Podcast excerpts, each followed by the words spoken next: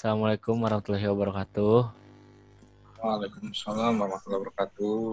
Jadi di sini eh saya sebagai moderator dan narasumbernya adalah Bung Wismardo Pambudi dari mahasiswa ITB jurusan Astronomi angkatan 2019. Iya, iya. Pada malam hari ini kita akan mendiskusikan tentang sesuatu yang ingin kita diskusikan sebenarnya. Gimana cara mengatasi overthinking dan insecure, anjay. Atau Iya, yang mengaku-ngaku insecure. Nah, aku ini bang, aku tuh anak menekunilan buhan kam nah tentang overthinking dan insecure nah. Pernah lah buhan kam bertiga nih mengalami itu tuh. Pernah banget. Kita kan bicara bicara suara. santai. Oh, kena suara aku. Oh, Rasulullah lah. Nah, kalau kalau Bisma kan Oh iya kan disuruh. dari pihak Kiken kan pernah merasakan insecure dan ya, overthinking. ceritakan kan. Nah, enggak, ntar, ntar. Dari dari pihak Dandi pernah merasakan overthinking ya. Tapi dari pihak Bisma bodo amat orangnya. Oke, aku salut lah dengan Bisma ini orangnya bodo amat sekali dengan dunia. Karena kita harus berpikir lurus tentang dunia kita aja bilang mantap Bisma. Nah, jadi aku anak betakun tuh nah dengan orang yang pernah kedua-duanya yaitu pihak Kiken. Nah, Kiken. Bagaimana saudari Kiken? Kenapa? overthinking ini kan biasanya kita malam-malam loh. Adalah siang, ibaratnya Iya. siang tuh adalah waktu siang hari overthinking itu soalnya.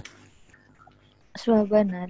Oh, berarti siang malam gitu lah. Kada, siang malam. kada kayak orang normal kan biasanya malam gitu kan overthinking. Iya. Pas anak puring biasanya Ah, iya, Atau iya. pas kalau bayar. misalkan lo misalkan lo kita belum goreng lo tengah Nah, malam tuh. nah, benar. kita tuh di saat semua itu sunyi benar. Jadi terpikir kayak takutan gitu nah. Kayak takutan dan kehidupan tuh. Ah, bisa terpikir apa-apa aja timbul yang melintas tuh. Nah kalau misalkan siang misalkan siang lo kadang malam overthinkingnya tuh tuh bisa karena kita tuh khawatir dan sesuatu. Ya, benar. Dan Eh, aku apakah pernah siang. Kamu tuh melamun? Kamu tuh melamun. Nah, Wan kamu berdua nih pernah lah merasa nggak enakan lawan orang tuh. Ibaratnya kayak kita nih ada merasa salah sama orang, tapi sebenarnya kita nih kerja salah sama orang. Pernah lah merasa itu. pernah Ibaratnya Waduh, kita tuh, ibaratnya kayak kita tuh merasa Berat kenapa ya lah. Si Anu tuh kadang menegur aku lagi, siap kenapa ya si Anu tuh kadang melawan aku lagi. Apakah aku tuh ada Saat salah? Gitu. ini. Saat Nah, ini. Bentar, bentar, bentar. Tunggu dulu, tunggu dulu. Belum tuntung nih, belum tuntung. Nah, Oke, oke. Bentar. Nah, ibaratnya kita tuh ada merasa gitu nah. Ibaratnya aku dan Bisma lah. Dulu aku SMA. Jadi aku tuh anak petakun dua buan kamu dua lah. Apa yang buan kamu lakukan apabila merasakan keto? Apakah apa aja lah solusinya lah yang bisa menenangkan nanti. Kalau kalau aku lah kepikiran tuh pasti pasti ada. Ya. Saat ini aja contohnya. Mm-mm. lihat ya ketika yang lain berkumpulan akunya karena kawan mungkin karena akunya jauh atau apa segala Ya, macam ya, tapi kamu di Banjar. Ini aneh ya.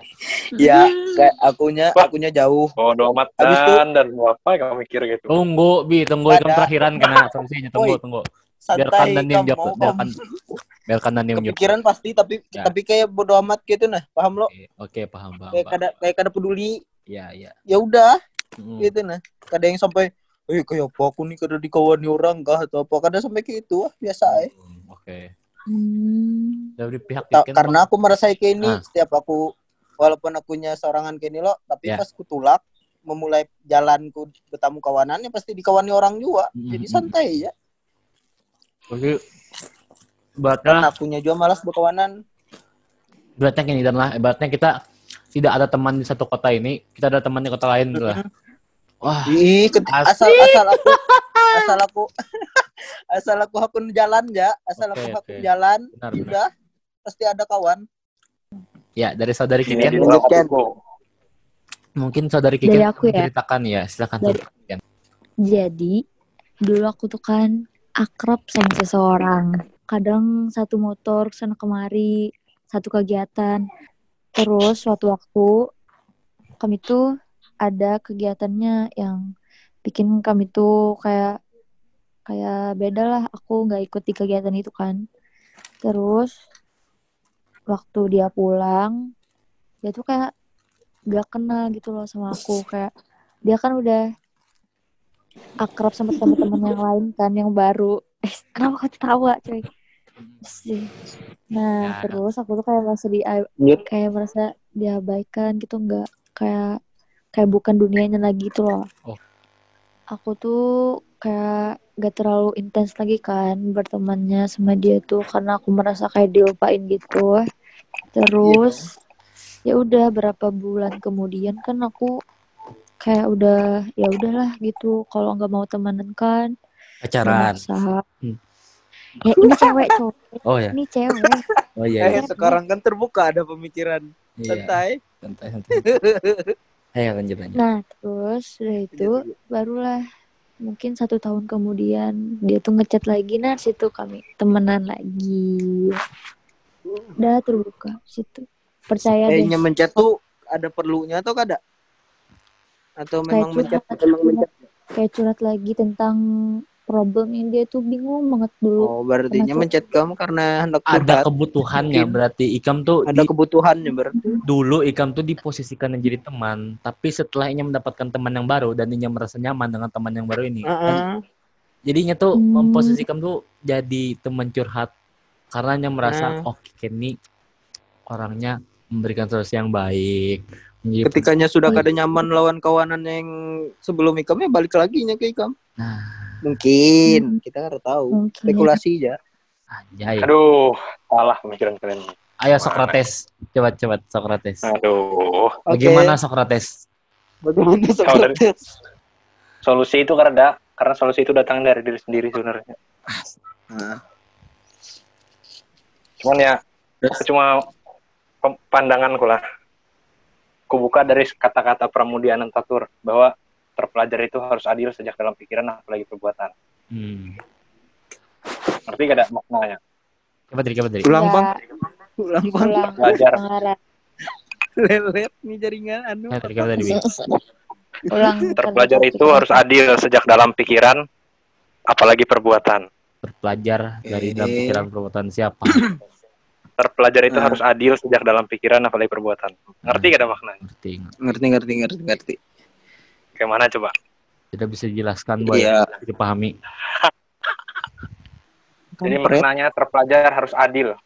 Adil sejak dalam pikiran. Manusia itu diciptakan semuanya tidak sama. Tapi Heeh. manusia diciptakan secara sempurna tanpa kurang satu apa pun oleh Tuhan Yang Maha Esa. Masing-masing Itu ada lo, dalam- tiap masing-masingnya.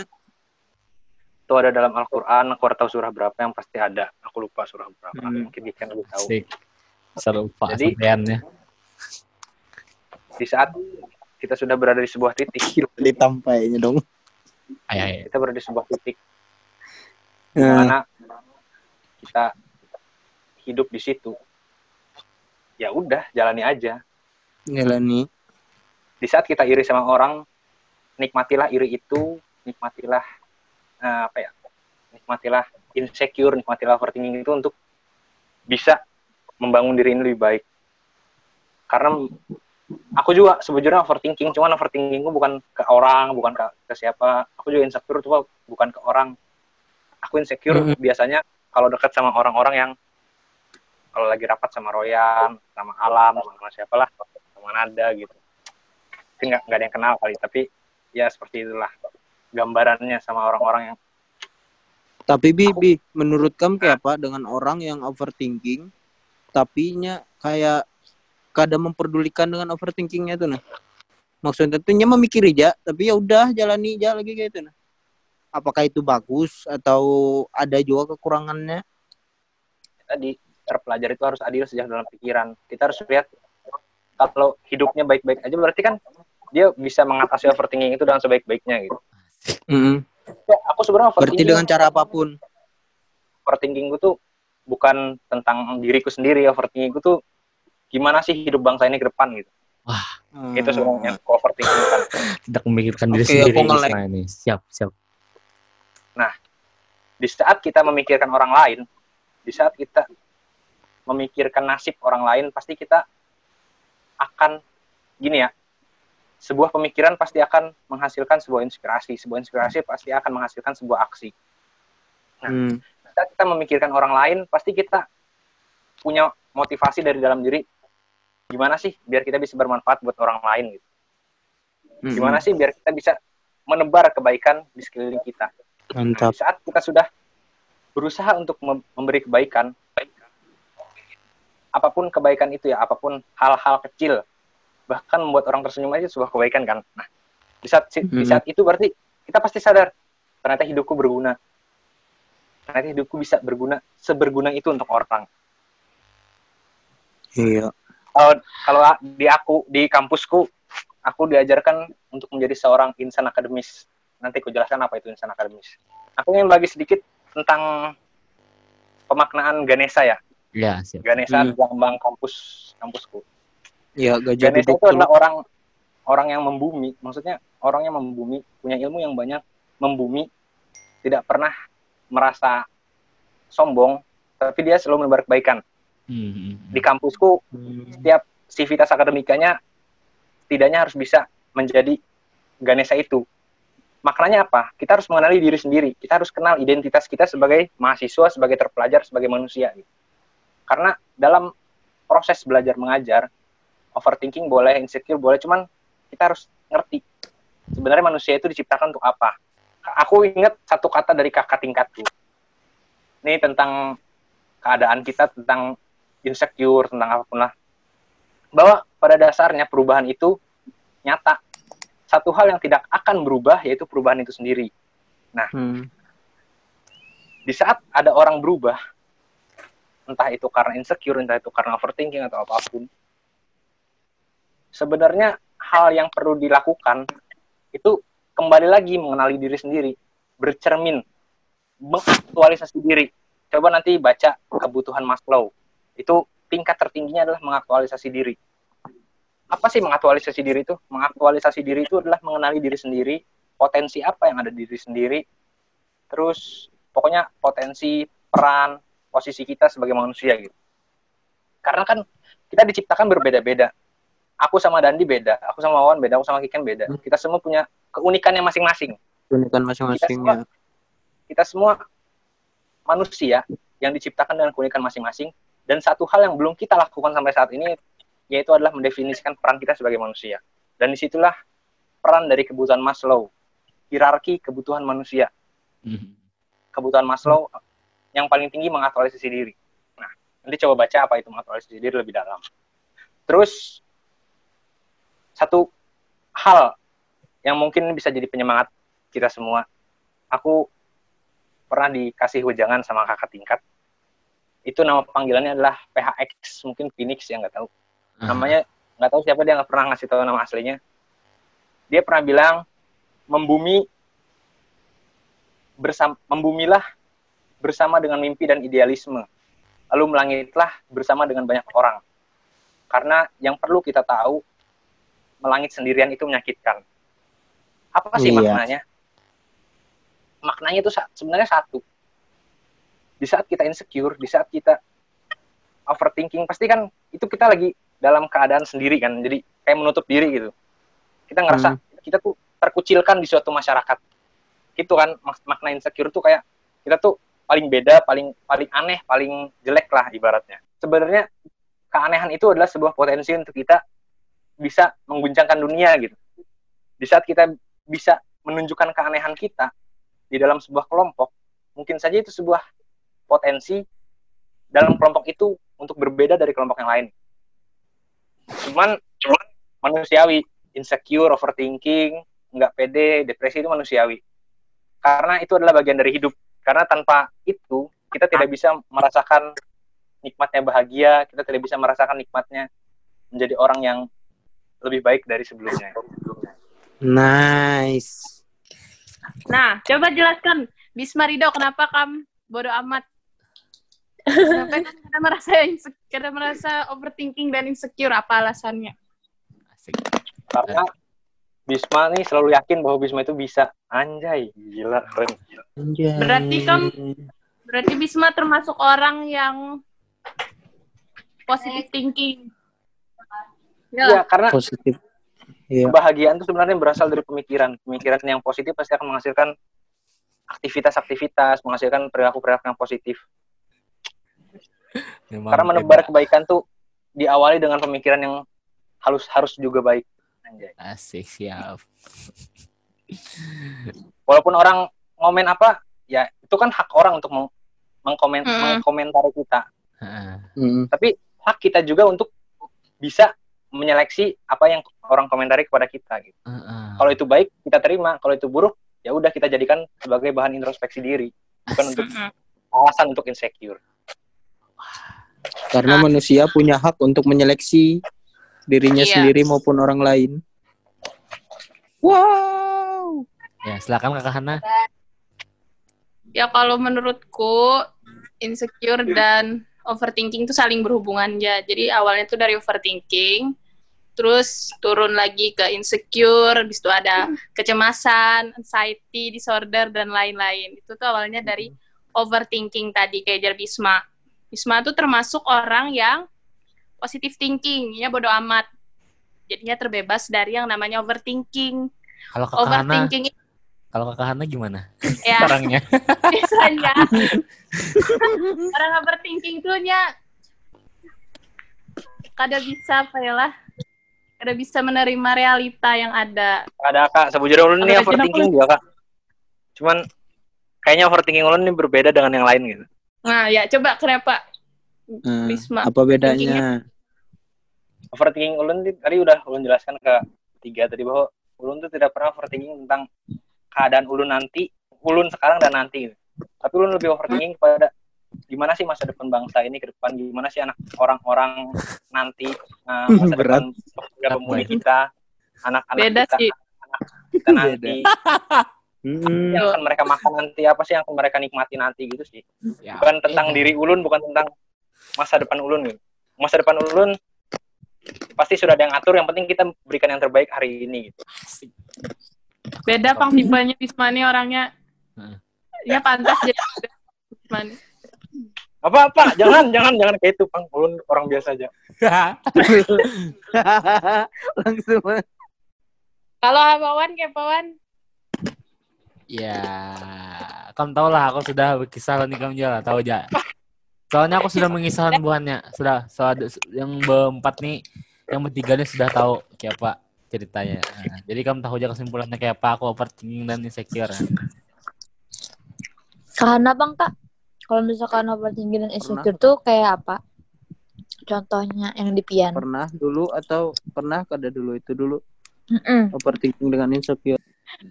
kalau pernah itulah biasanya ini kan umur umur ini umur umur mulai masuk masa dewasa awal Nah, nah Mm-mm.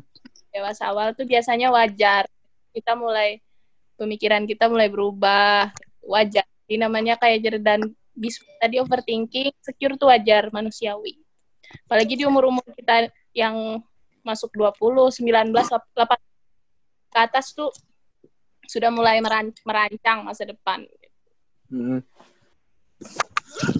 Kalau menurut turun lah, itu tuh karena kita tuh kayak membanding-bandingkan Jepang dan orang dan pencapaian orang lain. Padahal tuh langkah kita tuh beda dan mereka tuh bisa juga karena kita kali bersyukur dan apa yang kita raih selama ini.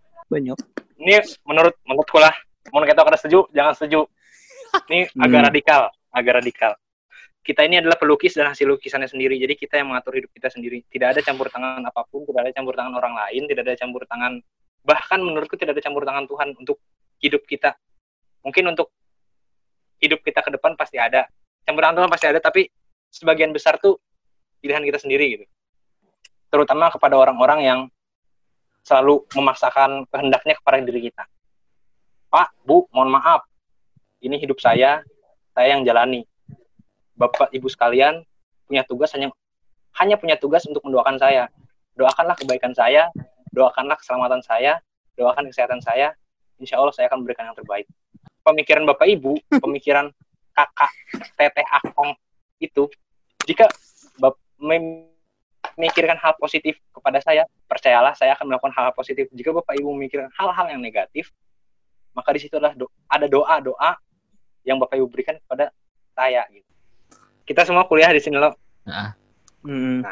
Kahana, Iken, Dandi, Wawan, aku kuliah kita semua kuliah. Sebenarnya dari semua orang di sini tuh paham gak sih makna dari perkuliahan, makna dari mahasiswa, makna dari kemahasiswaan, makna dari pendidikan. Sebenarnya yang aku tahu ya, aku sharing sedikit. Pendidikan, menurut Ki Hajar Dewantara, pendidikan tuh adalah sebuah alat pembebas manusia untuk menjadi manusia. Pendidikan itu adalah alat di mana manusia berusaha menjadi manusia dan membantu manusia lain untuk menjadi manusia. Baik itu pemikirannya, perbuatannya, tenaganya, dan semua yang ada di manusia itu. Maka dari itu, ada tiga kata kan yang dimaknai oleh Ki Hajar Dewantara, Ingat Rasul Tulung, Madi Omangun Karso, Tuturi Handayani. Itu sudah sudah, Hmm. sudah tahu semua lah. Mhm. Itu Hmm. guru kan itu guru. Nah, tapi itulah makna pendidikan sebenarnya. Menjadikan manusia itu sebagai manusia sesungguhnya. Makanya tadi da- Jarku, kita harus mengenali identitas diri kita sendiri. Kita harus mengenali apa sih yang ada dalam diri kita. Karena menjadi pendidikan itu pada dasarnya bukan mengajarkan kita untuk bekerja. Pada dasarnya bukan mengajarkan kita untuk mendapatkan uang, tapi mengajarkan kita tentang kebenaran, keadilan, kekuatan dan juga menjadi seorang manusia. Itu sebenarnya. Jadi di saat ada orang yang memikir bahwa orang kuliah itu pada saat nanti lulus harus kerja sesuai dengan jurusannya atau harus kerja sesuai dengan kemau kemauan dirinya. Se- sebenarnya kalau dianggap salah tidak karena itu adalah salah satu tujuan lain dari kita kuliah. Tapi makna sesungguhnya hakikat pendidikan itu tadi menjadi manusia yang manusia. Di saat Menjadi Kita manusia bekerja. manusia. bekerjalah dengan hati apa pun pekerjaan kita nanti walaupun bukan background kita walaupun bukan uh, ahli keahlian kita di saat kita bekerja dengan hati di saat kita bekerja dengan rasa cinta pasti hasilnya akan sesuai dengan apa yang kita harapkan jadi yang mau kutekankan di sini itu sebenarnya kita harus menjalani hidup nih didasari bukan dari masalah kebanyakan orang berangkat dari masalah tapi namun aku berangkat dari rasa cinta Ya, Hmm. terima kasih Wan. Tapi kalau aku dari kegelisahan, Ya, Ya, mantap. kan kegelisahan untuk masalah. Mau aku Hmm. berangkat dari rasa cinta. Mhm. Oke. Terima kasih kepada Bung Bisma Mantap. telah memberikan pencerahan yang pada saya, Kiken, Dandi, dan Kahana mungkin bisa merasakan apa yang dikatakan oleh Bisma. Habis Jadi, itu aku aku ada yang pendapat Bisma tadi lo yang jarang sedikit radikal tuh aku ada sedikit setuju dan sedikit ingin menambahkan. Ada sebuah ceramah dari Ustadz Hanan Ataki kata beliau tuh kalau misalkan manusia merasakan itu mampu melakukan sesuatu itu dengan caranya sendiri dan merasa Allah tuh tidak ikut Tuhan tuh tidak ikut dalam kehidupannya tuh maka Allah tuh kadang mau li- melibatkan dirinya ke dalam hidup manusia tuh Allah tuh bakal membiarkan inya sampai itu merasa putus asa bahwa tuh butuh Allah. Jadi misalkan kita merasa kita bisa melukiskan diri kita sendiri cara kita sendiri itu benar. Karena ada eh, apa perubahan kalau tidak ada perubahan lo dari diri sendiri itu kata Allah juga. Lo nah tapi walaupun kita ingin mencapai tahap selanjutnya kalau Allah kadang mau kadang bakal kita menuju ke pencapaian itu. Nah Allah alihkan ke pencapaian yang lebih baik menurut Allah itu dua tambahannya. Maaf kalau salah terima kasih untuk saudari Kiken. Terima kasih, eh, Terima kasih. eh, apa namanya opininya untuk menambahkan sebagian opini dari Bisma. dulu pas aku merasa insecure pas aku merasa overthinking tuh itu aku emang bener kayak menganggap Tuhan tuh emang ada aku tuh emang menganggap Allah tuh emang satu tapi aku tuh kayak jauh dan Allah tuh kayak kada dekat nah di saat aku mencoba untuk mendekatkan, mendekatkan diriku dan Allah lah. Aku tuh kayak jadi lebih percaya insecure. Kenapa aku harus insecure? Di saat Allah tuh menciptakan aku dan sebaik-baiknya rupa. Di saat Allah tuh kayak eh apa ya lah meyakinkan diri kita tuh nah untuk apa tuh nah insecure lo sedangkan kita di dunia ini cuma sebentar aja sedangkan di dunia ini cuma ujian aja coba kita renungilah kalau misalkan kita masuk surga, insecure tuh kereda lagi. Kenapa aku harus overthinking di saat takdir-takdirku tuh sudah dituliskan 50 ribu tahun sebelum dunia diciptakan. Habis itu, kenapa aku harus overthinking? Di saat aku tuh kah, misal, misalkan lah, aku tuh khawatir jodohku. Kenapa aku harus overthinking di saat jodohku tuh sudah tertulis di lauh mahfuz? Apa kok kayak jalan aja hidup nih. Misalkan kalau kita mengkhawatirkan tentang jodoh, timbul-timbullah eh, kematian tuh lebih cepat datangnya dibanding jodoh. Saat kita mati kita akan mikir jodoh lagi. Yaitu aku, aku yang sampai sekarang lah anggapnya tuh overthinking lah. Misalkan memikirkan jodoh. Tapi di saat di saat itu juga aku tuh kayak apa ya lah yakin gitu. Nah kalau Allah tuh karena mungkin lah memberikan sesuatu yang kada baik untuk hambanya di saat hambanya itu dekat dengan Allah itu jadi yakin ya kalau misalkan kita merasa insecure kita merasakan overthinking tandanya itu kan ada yang kada baik dalam hidup kita. Nah kenapa muncul kada baik dalam hidup kita berarti kita tuh kada dekat dengannya berarti sholat kita tuh ada yang salah. Berarti kita tuh kurang ilmunya. Nah situ aku merasa harus perbaiki lagi. Mau saja diri Amun Kiken bilang Tuhan tuh dekat, temen aku Tuhan tuh ada dalam dari ki- ada di dalam diri kita sendiri.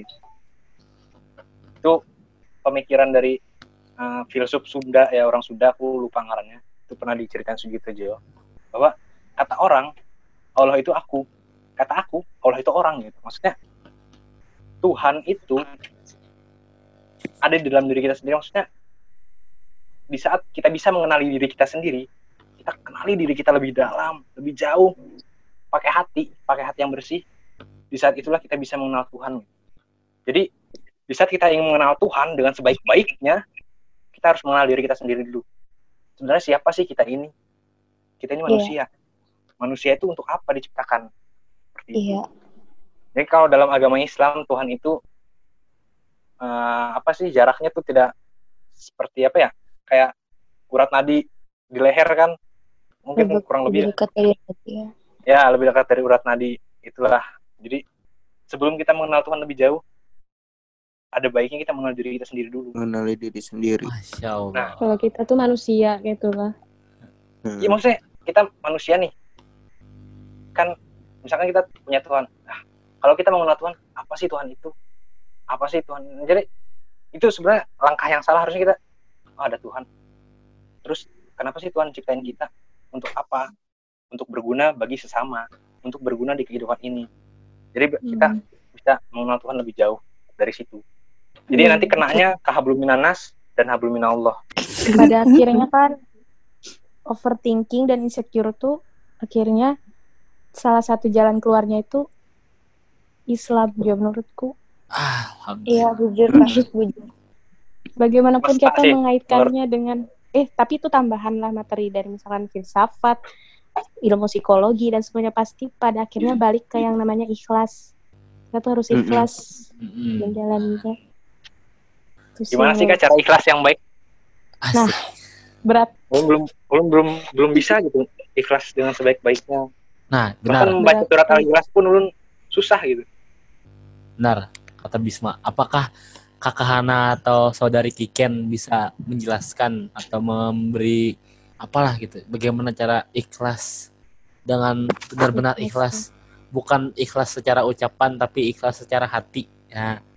Ha- secara hati berarti hati kata yang bisa merasakan kayak Nah, soalnya gini, ini ini. kita kita biasanya kan kita kan biasanya anu bi ya, atau yang lain lah. Ibaratnya kita ikhlas kita ikhlas kita ikhlas secara ucapan kita bisa takutnya orang ikhlas kada? Ikhlas. Tapi secara perasaan kita nih kenapa kita tuh oke lah mengucapkan ikhlas tapi ada sesuatu itu nah kayak aduh aduh aduh gitu nah. Nah nih akulah pandangan. Ah. opini opini aku pernah nulis. Iya. sebelum kita melakukan aktivitas sebelum kita melakukan suatu langkah bahkan satu langkah kecil sebelum kita melakukan satu langkah kecil yang pertama kita lakukan itu harus ikhlas maksudnya gimana ikhlas tuh tadi kita tidak memikirkan apa sih hasil akhirnya gitu mm-mm. karena hasil Walaupun akhir itu tuh berat lah. Iya, karena hasil akhir itu sebenarnya sudah ada yang ngatur ya. Tadi benar kata Kiken bahwa hasil akhir itu sudah ada yang ngatur gitu. Walaupun hasil akhir itu sebenarnya tergantung bagaimana kita melangkah tapi pasti hasil akhir tuh apa yang kita butuhkan gitu bukan apa yang kita inginkan nah Iya, betul. kebanyakan Asik. orang Gokil. kebanyakan orang saat kebanyakan orang saat ini tuh ikhlasnya itu setelah melangkah gitu. Jadi itu yang bikin orang tuh Hmm. kayak sakit hati Mhm, overthinking betul, gara-gara itu. Sebenarnya Kalau menurutku, Ekspektasi kita lah. ah, sebelum kita melangkah melangkah sedikit ya satu langkah kita ingin misalkan aku hendak ke Jogja misalkan hendak ke Jogja nih. Ya udah kita ikhlas aja dulu. Nggak usah mikir gimana nanti gimana gimana nanti di Jogja gimana apa gitu. Jadi ya udah kita ke Jogja nih. Nah, terus kita langkah kecil. Satu langkah kecil misalkan beli tiket. Uang kita kan pas-pasan nih beli tiket aja dulu. Pas kita sampai di Jogja saat kita tidak memikirkan apa pun bisa kita hanya memikirkan hal-hal baik yang datang pada kita pasti hal baik itu akan datang. Mm-mm. jadi eh, langkah amun aku ya, langkahku tuh ikhlas lakukan relakan gitu. Maksudnya relakan tuh relakanlah hidup kita pada saat sudah eh, melangkah tuh ya udah gitu lost lost doll lah Kuncinya Iya. itulah. Ingat, Kalau menurutku ada- tuh, ah, Ya dan ada di silakan silakan dari dan dia- dari kakak Hana kakak Hana mungkin atau dan di siapa? dan di oh Dandi dari saudara Dandi silakan kalau menurutku anu kurangi kurangi kemauan daripada kemampuan. Oke. Ya loh, karena Nah, ketika setuju aku kita- nih. Kada setuju aku dan kenapa tuh? Kemauan tuh harus banyak karena itu mimpi-mimpi kita yang mumpung hari ini masih gratis kita lakukan. Oke, Dan untuk itu merasa- kan mimpi. merealisasikan Kalau ya, menurutku itu mimpi, mimpi Ya, kita loh, mimpi Oke, kita sabar, harus sabar, memang sabar. se- setinggi mungkin. Mm-mm. Maksudnya Kalau- tuh kalau kita kita harus ada ada batasan. Kita kemampuan kita seini ya kita pertimbangkan di situ supaya kita bisa tetap ikhlas ketika kita kan cuman kemampuan kita misalkan sebatas apa gitu nah cuman sebatas itu tapi kemam- kemampuan kita melebihi itu. Maka ketika kita melihat orang lain kita pasti kayak oh kok kayak ini? Kok kayak ini? Dengan diri kita. Jadi kan ikhlas kita bersyukur kita pasti akan kurang. Kalau jar Ustadz tuh lah. Inya kita tuh harus tamak. Tamak akan nikmat Hmm. Allah misalkan kita mau karena apa aja kita doa dengan Allah tuh ya Allah aku mau ini aku mau ini aku mau ini. Tamak dia dengan kenikmatan Allah tuh. Justru Allah di situ suka Allah. Kayak mana caranya Allah? Pasti Allah tuh kayak berusaha juga mengabulkan apa yang kita mau tapi sesuai dengan kebutuhan kita.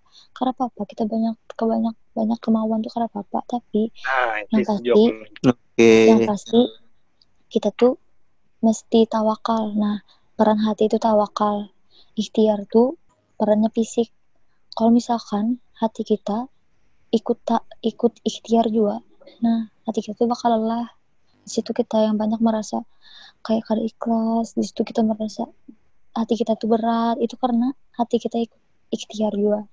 Nah, saat kita ingin melakukan sesuatu, tawakal aja kita tawakal apa yang Allah beri itu pasti yang terbaik untuk kita walaupun misalkan kita merasa aduh pasti Allah nih kadang mau memberi apa yang aku mau dan misalkan itu terjadi berarti Allah tuh ada alasan di balik itu tuh yang memberi kita pelajaran kalau Allah tuh mau memberikan kita tuh yang lebih daripada itu gitu Mm-mm. dari Ustad dari lah. Mm-mm. Menurut Bisma Siapa tadi ya? kayak apa yang kada setuju tadi? Bi? Nah, silakan Bisma. Ya, aku setuju lagi Ken tadi Ya. kemauan tuh Ah. banyak Hmm. tapi aku harus lihat lah kemauannya apa misalkan kemauan kita tuh hendak kayak orang tuh ya itu salah gitu tapi Mm-mm. kalau di saat kemauan kita tuh untuk hal-hal baik untuk hal-hal yang menyangkut hal-hal baik lah itu harus banyak walaupun kemampuan kita sedikit pun di saat kita punya kemauan untuk hal-hal baik hal-hal baik itu akan datang menghampiri kita kalau untuk ka- mun, maksud kamu tadi kemauannya untuk kayak orang misalkan orang nih punya jam punya HP apalah punya Mm-mm. itu itu namanya iri bukan ke- bukan kemauan itu lebih ke iri menurutku lah lebih ke iri jadi kita Oke. lebih ingin ah, anak juga ah aku anak kayaknya juga jadi itu sebuah di saat aku tapi di saat aku anak kayaknya tapi maksudnya kayak mana ya lah di saat aku hendak kayaknya dan aku tuh hanya hendak kayaknya untuk menyombongkan diri kadang akan tercapai tapi di saat aku hendak Iya. kayaknya untuk membantu orang lain itu lebih besar harapan untuk tercapai Asya Allah. Mm, Asik. Setuju. Masuk, mantap. Masuk, masuk, masuk. Bi. Aku ada pertanyaan.